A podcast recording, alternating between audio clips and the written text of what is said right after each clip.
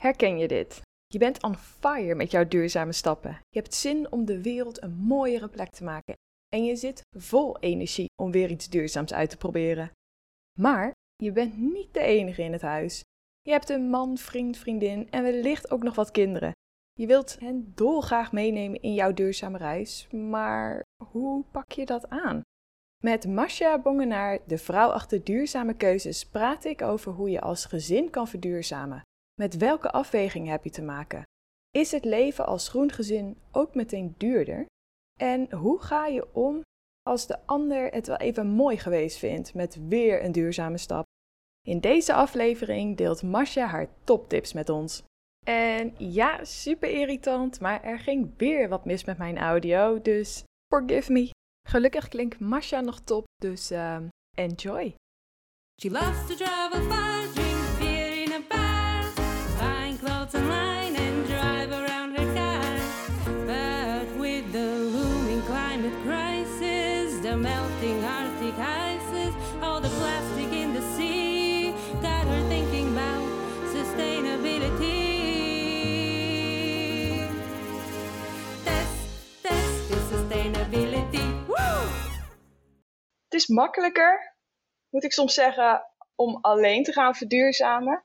Nou heb ik ervaring met de verloofde om af en toe ook even mee te nemen in mijn duurzame initiatieven. Maar met een heel gezin. Ik snap wel dat ik een luisteraar kreeg die uh, een vraag had van hoe pak ik het aan om te gaan verduurzamen als gezin. Dus ik ben ontzettend blij dat ik Masha mag verwelkomen bij deze podcast. Masha, welkom. Dankjewel. Jij bent uh, klimaatcoach bij Klimaatgesprekken, moeder van drie zonen, vrouw van een zeeman en oprichter van het blog Duurzame Keuzes. Heb ik het zo een beetje goed samengevat? Ja, ja dat is een hele hoop. ja, dat zeker. Laten we eerst bij het begin beginnen. De welbekende vraag. Hoe is jouw eigen reis naar duurzaamheid begonnen? Ja, um, op een gegeven moment uh, zat ik op de bank uh, het journaal te kijken, denk ik, met een baby op schoot. En op een of andere manier kwam het eindelijk binnen dat het helemaal niet zo goed gaat met de wereld. Alsof ik dat al die jaren toch niet tot me door had laten dringen. Terwijl dat natuurlijk echt geen nieuws was. Uh, maar weer een brand in een regenwoud of uh, iets in die trant. Ik dacht, kak, het gaat echt niet goed. En ik heb drie kinderen. Hoe moeten die straks in deze wereld nou opgroeien? En hoe gaat het zijn als zij later volwassen zijn? En uh, op een of andere manier viel het kwartje. En ja. ja, daar is het begonnen. En dat was dus dan bij de geboorte van je laatste kind. Ja, ja dat je denkt, je hebt er drie. Waarom had je nou niet eerder dat kwartje?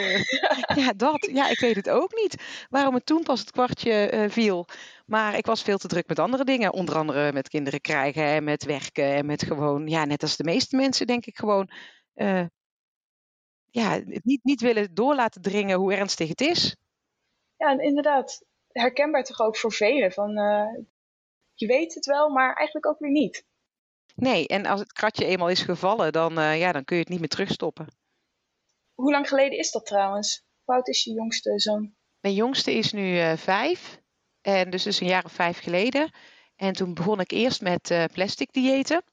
Dus het plastic gebruik in ons huis, dat, dat, dat, dat ja, was denk ik net als een gemiddeld gezin. Liep een beetje de spuigaten uit. En daar ben ik mee begonnen. Uh, daar komt nog bij dat mijn man dus zeeman is. Dus die zag daadwerkelijk de plastic soep. Die is wel eens op de Pacific dwars door zo'n, uh, door zo'n enorme bult plastic heen gevaren. En dat duurt dan gewoon een hele dag. En dan zie je niks anders dan plastic. En die stuurde daar dan een fotootje van. Dat ik dacht, nou echt, weet je, dit is toch ongelooflijk. Daar wil ik echt zo min mogelijk aan bijdragen.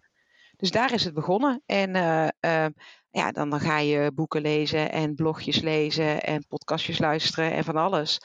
En, uh, en toen las ik uh, Babette Porseleins De Verborgen Impact. Nou, toen bleek dat ik met mijn plastic dieet eigenlijk helemaal niet zo'n uh, impact maakte. Hm, dat was wel balen. Nou ja, dus toen, ja, toen ben ik verder gegaan met op andere terreinen kijken waar ik wel het verschil kon maken. Hoe heb je uiteindelijk hem en het gezin daarin meegekregen? Of was het vooral eerst jouw duurzame reis en de rest volgde later? Ja, eigenlijk is dat het. Ik ben gewoon zelf begonnen. Nou zie ik dat wel meer om me heen. Dat, uh, kijk, de, de, de, meeste moeders uh, ze hebben toch een zorgtaak, nog best wel traditioneel. Bij ons thuis is dat uh, niet anders. Ja, nou ja, zeker omdat mijn man drie maanden weg is, valt het ook niet zo mee om, om het anders in te richten. Maar dat betekent dat ik de boodschappen doe. Nou ja, Kijk, qua plastic dieet is dat dan al meteen uh, makkelijk. Want als ik de boodschappen doe, kan ik ervoor zorgen dat er zo min mogelijk verpakkingen binnenkomen. Um, en zo ook een stapje verder. Hè. Als ik ervoor zorg dat we op het weekmenu uh, een paar keer in de week vegetarisch eten. Ja, dan uh, is dat wat er op tafel staat. want we eten wat de pot schaft. Um, en als mijn man thuis is, dan kookt hij trouwens een heel groot deel van de tijd. Maar ja, zo langzamerhand dacht hij, oh ja, maar wat jij vorige week kookte is ook lekker. Zullen we dat nog een keer eten? Dus zo werd het steeds meer. En tot ik twee jaar geleden zei, zullen we eigenlijk helemaal stoppen met vlees eten? Want we eten nu eigenlijk het grootste deel van de week al vegetarisch. Maar ik, ja, ik ben er eigenlijk wel klaar mee met vlees. En nou, dat vond hij best wel lastig. En dat zijn best ja. wel dingen die, die dan discussies oproepen. Um, ja, we hebben het daar gewoon over gehad. Van waarom dan? Um, want ik kan natuurlijk wel zeggen, we stoppen met vlees eten. Maar ja, zo werkt dat natuurlijk niet. En uh, hij is echt een groot liefhebber van vlees. En ik moet dus ook heel eerlijk bekennen dat hij aan boord gewoon vlees eet. Uh, maar thuis dus niet meer. En daar staat hij 100% achter. Omdat ik gewoon zei, ja luister lief, ik, ik geloof er gewoon in dat als wij uh, ons steentje bijdragen, dat het dat ook op andere mensen effect heeft. En dat we uiteindelijk het niet meer kunnen verantwoorden over 20 jaar aan onze kinderen, waarom we zelf niks deden. Goh, pap, mam, jullie wisten dat al die tijd en jullie deden zelf, oh, helemaal niks. En, uh, ja, en ja, zo zijn we het eigenlijk op heel veel terreinen heel erg eens geworden van, ja, hij staat daar gewoon helemaal achter. En dat is best wel dubbel als zeeman, want ja, het is best wel een gek beroep in het kader van duurzaamheid. Um, maar goed, ja, zo, uh, zo probeer je toch op andere terreinen ook je steentje uh, bij te dragen, behalve je baan. En ja, dus zo gaat het stapje voor stapje. Eerst ga je kijken van, ja, gooi je energieverbruik. Nou ja, dat is, dat is voor heel veel mensen een no-brainer. Want dat kost ook, ook minder geld. Nou, dat vinden de meeste mensen dan nog wel interessant. Mijn man is een beetje technisch, dus zonnepanelen vindt hij ook nog wel leuk om uit te zoeken. Dus nou, dat soort dingen, dat, dat ligt hem dan wel. Dus ja, dat soort technische dingen, dus het isoleren en de zonnepanelen, dat, dat is meer zijn pakje aan. Daar bemoei ik me dan niet zoveel mee. Nou, hij gaat dan kijken hoe we misschien een duurzamere auto kunnen krijgen of zo. Ja, dat is ook dan helemaal zijn ding. Maar daar, ja, daar gaat hij wel helemaal in mee, ja. Heel leuk. Slim, slim om daarin dan ook in elkaars kracht te zitten. Ja, dat gaat heel natuurlijk bij ons eigenlijk. En uh, um, ja, dat denk ik wel eens, want je kunt de ander niet, uh, niet dwingen om mee te gaan in je duurzame leven. En uh, ik heb er ook totaal geen moeite mee als we in een restaurant zitten. Hij bestelt wel een stukje vlees je moet ook voor jezelf bepalen waar je invloedssfeer wil liggen en waar je wel en niet het punt van wil maken. En, ja. um, en als je denk ik uitlegt hoe je erin staat, dus echt vanuit je eigen gevoel van ja, maar ik denk echt dat als we zo doorgaan, dat onze kinderen over 15 jaar besluiten om geen, geen kinderen te krijgen. Weet je wel, op, die manier van ik, ik zou dat echt, ja, daar lig ik wakker van, letterlijk. Um, van hoe de wereld eruit ziet als onze kinderen groot zijn. En daar ligt hij ook wakker van. Weet je, dat, ja, dat delen we echt. En uh, als je dat zo vanuit je kernwaarden kunt delen, dan weet ik, ja, zeker als je in een relatie zit, zijn dat toch wel dingen, hopelijk, die je gezamenlijk kunt delen dan. Ja. Dan gaat het dus niet over de, de ander dwingen, je mag geen melk meer drinken, je mag geen vlees meer eten, we moeten de verwarming een graadje lager. Nee, dan gaat het erom praten van, waarom doe je dit? Waar zit de kern? Ja, vind ik mooi. En ik wil straks ook nog wel iets verder op induiken, ook hoe je dat bij de rest van het gezin allemaal aanpakt en ook welke stappen je daarin maakt. Ik ben daarvoor nog wel eerst even benieuwd naar het blog wat je bent gestart. Want je bent namelijk hier ook een paar jaar geleden, als ik het goed begrijp, een blog gestart over duurzame keuzes. Waarom besloot je om deze reis en deze tips online te gooien? Ja, uh, nou, ik ben uh, um, dus gestart zeg maar een jaar of vijf geleden met hele kleine stapjes. En, uh, en op een gegeven moment liep ik daar een beetje in vast. Sloeg ik een beetje door in het plastic. En toen las ik de verborgen impact. En toen dacht ik, oh, oh, dit is dan toch niet de grote impact waar ik op hoopte dat mijn PMD-zak zoveel leger is. Dat draagt uiteindelijk toch niet, ja, dat is toch, niet, dat is toch een te klein steentje. En um, dus ik wou wel, maar ik, ik, liep een beetje vast. Ik wist niet zo goed uh, hoe ik verder moest. En ik kende ook niet zoveel andere mensen die uh, echt met duurzaamheid bezig waren, zoals ik. En toen uh, stuitte ik op klimaatgesprekken. En toen ben ik mee gaan doen met een workshopreeks. En, en daar zat ik in een, in een huiskamersetting met een paar anderen die, ja, die er net zo over dachten en die het net zo voelden als ik. Allemaal op hun eigen manier, met hun eigen situatie, met thuis wel niet kinderen, wel niet relaties, oud, jong, alles door elkaar. Maar wel allemaal mensen die hetzelfde voelden van er moet iets gebeuren en ik begin bij mezelf. En daar heb ik echt uh, superveel van geleerd. Ja, ook waar ik zelf het verschil kon maken. Dus welke stap ik zelf nog kon doen. Dus inderdaad, totaal stoppen met vlees eten. Niet meer naar mijn werk met de auto, maar met de fiets. Uh, terwijl ik dat wel wilde, maar op een of andere manier die klik toch niet kon maken van... oké, die auto moet echt blijven staan. En um, toen dacht ik, nou, toen was ik daarmee klaar. Toen dacht ik, uh, ja, ik kan nog veel meer. Ik kan hier ook over vertellen. Ik, ik ben marketeer van beroep. Uh, naast de moeder en klimaatcoach en blogger. En dat werk ik ook hm. gewoon nog uh, part-time. Dus, en schrijven, content schrijven is mijn vak. Dat doe ik. En dat doe ik denk ik best wel aardig. Dus zo aardig dat ik ervoor betaald word. Dus dacht, ja, dat, en ik vind het heel leuk om te doen. Dus, dus ja, zo is, is dat eigenlijk gewoon een hobby. Je moet je voorstellen, mijn man als die weg is, ga ik s'avonds ook niet de deur uit, want dan liggen er drie kinderen op bed. Dus heb ik tijd genoeg om lekker een blogje te schrijven. Dus zo is dat eigenlijk min of meer gekomen om onze reis naar duurzamer te delen. Ik vind het ontzettend leuk om je ook echt te volgen. Dat talent, ik zie het ook zeker. Ah, zo leuk. Ik ben soms ik ben soms wel echt benieuwd van hoe kom je aan de inspiratie voor content? Want ik las laatst een artikel uh, over gas, gas besparen door middel van een zelfgemaakte hooimadam. Ik dacht echt, hoe dan? Wat geniaal creatief. Hoe, hoe kom je aan die inspiratie? Nou ja, soms zie ik gewoon iets voorbij komen. En, uh, zo, en zo'n hooimadam, dat is wel heel grappig, want dat is een verhaal wat ik eigenlijk binnen de familie hoorde. Mijn opa was, uh, was boer, landarbeider. En die, uh, die gingen naar, naar het veld met zo'n houten kist met hooi erin.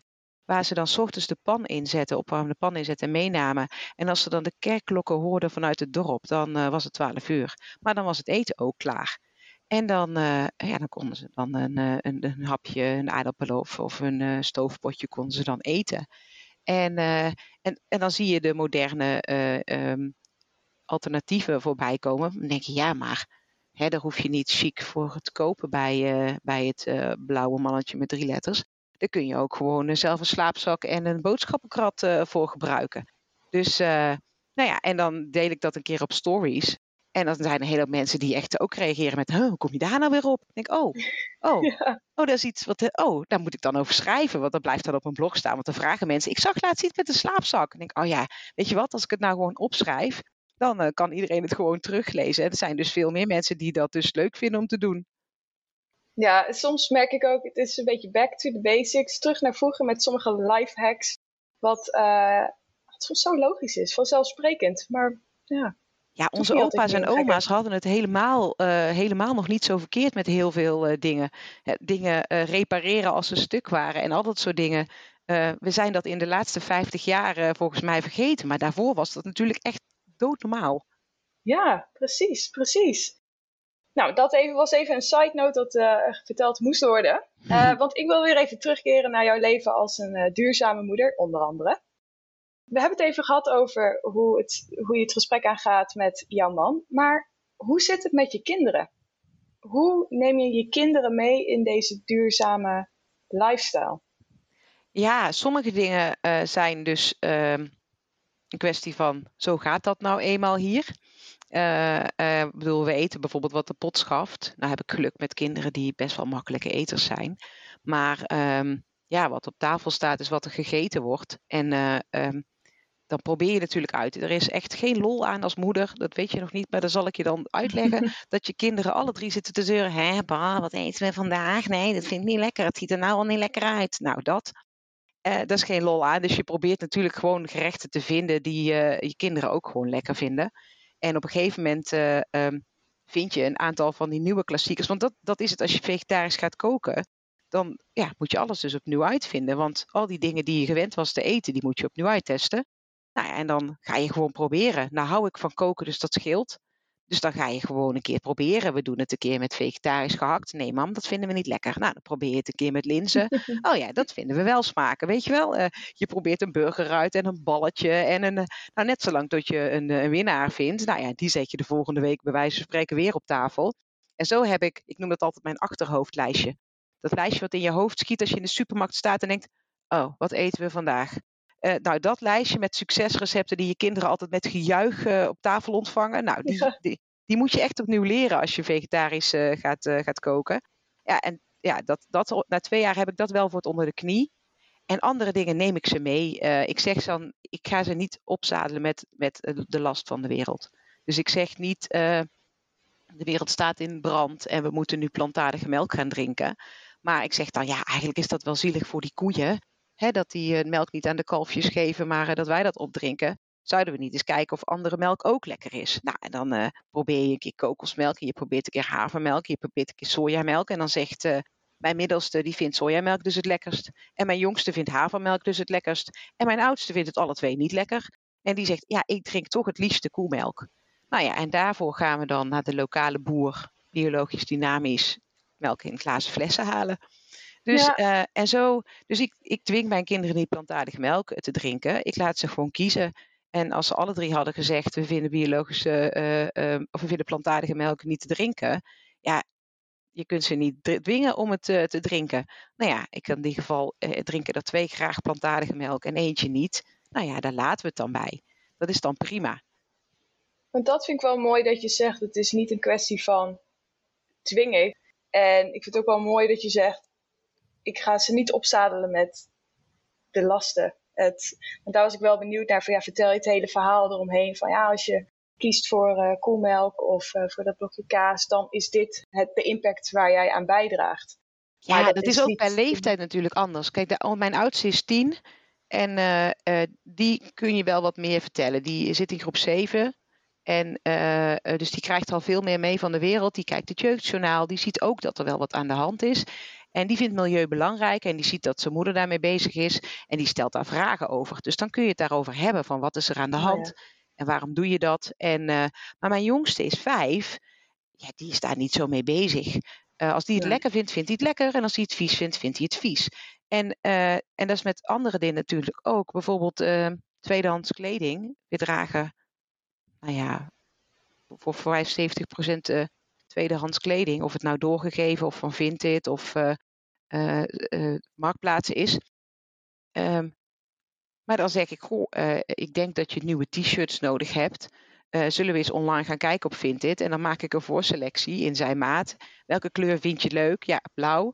Nou, en dan zeg ik, oh, deze, deze of deze of hij, het, is, het zijn natuurlijk ook jongetjes, dus misschien scheelt dat ten opzichte van meisjes. Maar hm. of je nou op de website van HM zou kijken, of op de website van Vinted. Dat maakt mijn kind geen ene bal uit, want uh, uh, dat is voor hem online shoppen. En uh, we kopen een tweedehands shirt. En als het er prima uitziet, dan loopt hij heus niet op verschut op school. Hij heeft mogen kiezen welk shirt het is. Ja, daar is prima tevreden mee. En dat zijn moeder weigert bij de H&M te kopen, ja, dat, dat, hoeven we er eigenlijk niet bij te zeggen. Dat, dat, dat is het, soms zijn ze er niet zo mee bezig. En intussen, natuurlijk na vijf jaar, is, is dat gewoon. Dat is hoe wij het doen. Daar staan ze ook niet zozeer bij stil. Tenzij ze bij een vriendje komen waar ze het helemaal anders doen. Of tenzij er een vriendje over de vloer komt, die tussen de middag bij ons eet bijvoorbeeld, die dan zegt: uh, Is er ook kaas? Oh, er is geen kaas. Um, hebben jullie geen kaas? Nee. En vlees? Nee, ook niet. Ja, we hebben wel vegetarische paté en uh, vegetarische plakjes. Oh, die ken ik niet. Maar die wil ik wel proberen. Nou, nou oké. Nee, zeg mijn kinderen, wij eten geen vlees. Ja, dat is ook zo gewoon geworden. Ja, zo gaat het natuurlijk ook. Kinderen zijn heel flexibel. Een beetje al op de zaken vooruitlopen. Maar de, jongste, of de oudste is nu tien. Uh, dat gaat langzaam richting puberteit. Dan wordt mijn aanname en vooral terugdenkend aan hoe ik vroeger was, die invloeden van anderen steeds groter. Uh, misschien bij jongens meer de macho-cultuur van vlees eten uh, is the way to go. Voor meisjes is de mode steeds belangrijker om te volgen en dan de nieuwste trends. Hoe zou je daarmee omgaan? Nou, mijn, mijn oudste die noemt zichzelf ook uh, flexitariër. Dus die, terwijl we dus thuis geen, geen vlees eten, eet hij dus als we ooit ergens anders zijn wel vlees. En uh, die vindt, die vindt uh, vlees hartstikke lekker. En die zegt dat ook. Nee, thuis eten we geen vlees. Maar als we barbecuen bij de honkbalclub, dan eet hij gewoon een hamburger. En ja, daar, daar, ga ik hem, daar wil ik hem niet in beperken. Die keuze moet hij zelf maken. En ik vermoed inderdaad dat als hij gaat puberen, dat dat misschien wel een issue wordt. Um, wat mij betreft veranderen we onze diëten aan de keukentafel niet. Dus ehm, ja, daar. Uh, maar goed, ja, ze zijn, hij is nog geen 15, dus wat, niet, uh, wat, wat, wat er nog komt, weet ik niet altijd. Maar uh, um, ja, sommige dingen zijn gewoon hoe wij dingen doen. Um, ja, en ik denk straks zal hij wel kledingbudget krijgen of zo. Dan mag hij zelf uitvinden dat hij op vindt het goedkoper uit is dan, dan in, in de winkel. Uh, ja, dat weet hij nu al. Als hij zijn zakgeld bij elkaar legt om een nieuwe Lego set te kopen, dan is hij op marktplaats, uh, heeft hij eerder wat hij wil dan, uh, dan in de speelgoedwinkel. Dus dat zijn ja. wel dingen die ze al heel ja. erg gewend zijn, dat in de kringloopwinkel en op marktplaats hun euro veel meer geld waard is dan in de speelgoedwinkel. Dus zo hoop ik dat ze al een beetje in de groene bubbel gesleurd zijn, denk ik wel eens ooit. je zegt over het geld meer waard, vind ik wel een hele interessante, uh, namelijk ook een bruggetje naar de vraag van de luisteraar. Ik kreeg dus de vraag van uh, een mannelijke luisteraar die ook duurzamer wil leven binnen zijn gezin of met zijn gezin. Maar die ervaarde toch een beetje de struggle van ja, kan ik dat wel binnen ons maandelijks budget doen? Vooral als je bijvoorbeeld de stap naar biologisch eten wil gaan maken. Hoe zit dat met jou? Is dat iets wat jij met ons uh, wilt delen over je gemiddelde maandbudget en hoe je ervoor zorgt dat je zowel groen blijft en binnen het budget? Nou ja, dan moet ik heel eerlijk zeggen, als, uh, als uh, zeeman en ik heb, heb ook best een goede banen, hebben we budgetproblemen, is op zich niet ons ding. Uh, want ik denk dat wij um, toch zeker wel anderhalf tot twee keer modaal verdienen. Dus dat is niet helemaal eerlijk, niet echt heel erg budgettechnisch. Maar ik denk niet dat wij meer zijn gaan uitgeven sinds we duurzaam leven. Sterker nog, uh, als ik het dan heb over uh, uh, ons sociale budget dat wij uitgeven aan, aan spullen en eten en, en kleding en al dat soort dingen, denk ik dat we veel minder uitgeven dan we eerst deden. En onze kinderen worden steeds groter, dus die hebben steeds meer spullen nodig. Maar uiteindelijk kost duurzaam leven meestal minder. We zijn bijvoorbeeld, wij kopen bijna niks meer. En, en als we het kopen, dan zeker niet nieuw. Uh, ik heb ontdekt dat je bijna alles tweedehands kunt krijgen. Echt, je kunt het zo gek niet verzinnen, Tess, of je hebt het tweedehands. Uh, ik, ik, de laatste jaren koop ik voor, uh, voor 5,12 uh, het codewoord voor Sinterklaas uh, bij ons thuis. Voor 5,12 koop ik echt gewoon 75% tweedehands. En um, dan heb ik wel eens uh, mensen over de vloer gehad die dat niet zo gewend waren. En die dat dus naar de rand vroegen van, ja, maar nou koop je wel alles nieuw. Ik oh nee, maar dat was allemaal tweedehands. Zeiden, hè? Maar dat zat nog in het plastic. Ja, weet ik. Ja, eh, spellen, boeken, uh, um, ja, voor de kinderen. Nou ja, marktplaats is bijna alles te vinden. Maar ook qua boodschappen. Um, moet ik wel zeggen, biologisch eten is inderdaad vaak wel duurder. Uh, nou heb ik daar een, een lokaal pakket. Dus ik koop van de lokale boer. En uh, die heb je in steeds meer uh, steden, heb je dan zo'n zo'n groenteabonnement, zeg maar. En dat scheelt toch wel echt heel erg veel met, met de biologische supermarkt. Dus dan denk ik niet dat ik meer uitgeef aan mijn groentepakket dan dat ik eerst aan reguliere, niet-biologische groenten kocht. Ja. Ehm, dan moet ik me wel conformeren aan wat er in het pakket zit. Dus dan eten we in de winter heus wel wat vaker prei en kool dan ik eerst deed. Tegelijkertijd leer ik ook weer nieuwe dingen uh, eten die we voorheen echt niet aten. Uh, ja, of het nou uh, koolrabi is of raapsteeltjes. nou, dat, dat zat nooit in mijn, in mijn weekmenu. Dus de variëteit is er wel groter op geworden. Dat is eigenlijk hartstikke leuk. Um, je wordt en, creatiever. Ja, maar ik hou wel van koken, dus dat is wel belangrijk. Dat, dat, als dat niet zo is, kan ik me wel voorstellen dat mensen dat wel echt een uitdaging vinden. Zo'n abonnement waar je dan maar moet doen met wat erin zit. En, uh, maar ja, qua. Um, ja, we, we, eten dus helemaal geen vlees meer. Maar we eten ook niet één op één vleesvervangers. Want die stap, uh, dan ben je dus wel duur uit. Als je je vlees één op één vervangt door vleesvervangers. Uh, dan ja, dan dat, is, dat scheelt je toch wel. Meestal is het toch duurder. Maar wij ja. eten, denk ik, twee, misschien drie keer in de week vleesvervangers. En voor de rest, bijvoorbeeld pulvruchten, ja, dat is dan weer veel goedkoper. Dus daar denk ik dat we ja, over de gehele linie eigenlijk niet veel meer uitgeven dan dat we eerst deden aan, aan boodschappen. Ja, slim. Slim. Heb jij nog een laatste grote tip voor de luisteraars met gezin die wat meer duurzaamheid binnen het gezin willen brengen. Wat, uh, wat kan je hen meegeven als nummer één tip? Ja, ik denk dat uiteindelijk vegetarisch eten, al doe je het maar één of twee keer in de week, dat dat wel een van de grootste uh, stappen kan zijn binnen je gezin. Als je dat uh, voor elkaar krijgt om, om je gezin te laten wennen aan een paar keer in de week vegetarisch, dan, dan denk ik dat je al hele grote stappen maakt. Nou, super, dat moet lukken. Ik moet, als ik zelfs mijn vriend daarin meekrijg voor vijf, zes dagen in de week, dan moet dat zeker lukken voor anderen. Hey, super bedankt Marcia. We gaan het afsluiten met uh, uiteraard een challenge. Wat heb jij bedacht? Ja, nou waar we, het, uh, waar we het eerder over hadden, van hoe ga je nou het gesprek aan binnen, binnen je relatie of binnen je gezin. Uh, ga eens een, een, klimaatgesprek aan. Zo, zo noemen we dat als klimaatcoaches binnen klimaatgesprekken. Een gesprek wat je hebt over, goh, Ehm, ik wil graag een klimaatvriendelijke keuze maken en jij staat daar anders in. En uh, goh, laten we het daar eens over hebben. Ik wil dit graag omdat uh, ik deze, deze waarde heb en omdat ik dat op deze manier uh, bekijk. En dan dus niet op argumenten vlees eten is slecht, want of uh, de kachel hoog laten staan helpt de wereld naar de knoppen. Nee, echt vanuit jezelf. Ehm, het gesprek aan gaan van, goh, ik zie, ik zie eh, dit en dit en ik maak me zorgen, ik lig daar wakker van, bijvoorbeeld. En waarom dat nou in zit, want daar luisteren anderen juist vaak wel naar. En dat is uiteindelijk de kern van waarom je duurzamer wil leven in de meeste gevallen. Ja, mooie uitdaging. En eentje die ik ook zeker nog even meeneem tijdens deze reis. Van botsen, dat, dat gebeurt nog vaak genoeg. Dus uh, dit vind ik een hele goede challenge die ik zeker ga toepassen de komende periode. Nou, heel veel succes. Ja, dankjewel en bedankt voor het delen van je kennis. Ik uh, deel de linkjes in de show notes naar je blog, naar je Instagram. Want uh, zulke handige tips, dat is een must voor iedereen om te volgen. En hou vooral dit werk vast. Dankjewel. Dankjewel. Test, test, is sustainability. Woo! Ja, dat was hem weer. Ben jij ook weer zo ontzettend geïnspireerd om je leven een stukje groener te maken? Nou, ik wel. Heb jij van deze aflevering genoten? Vergeet hem dan ook niet te delen via social media.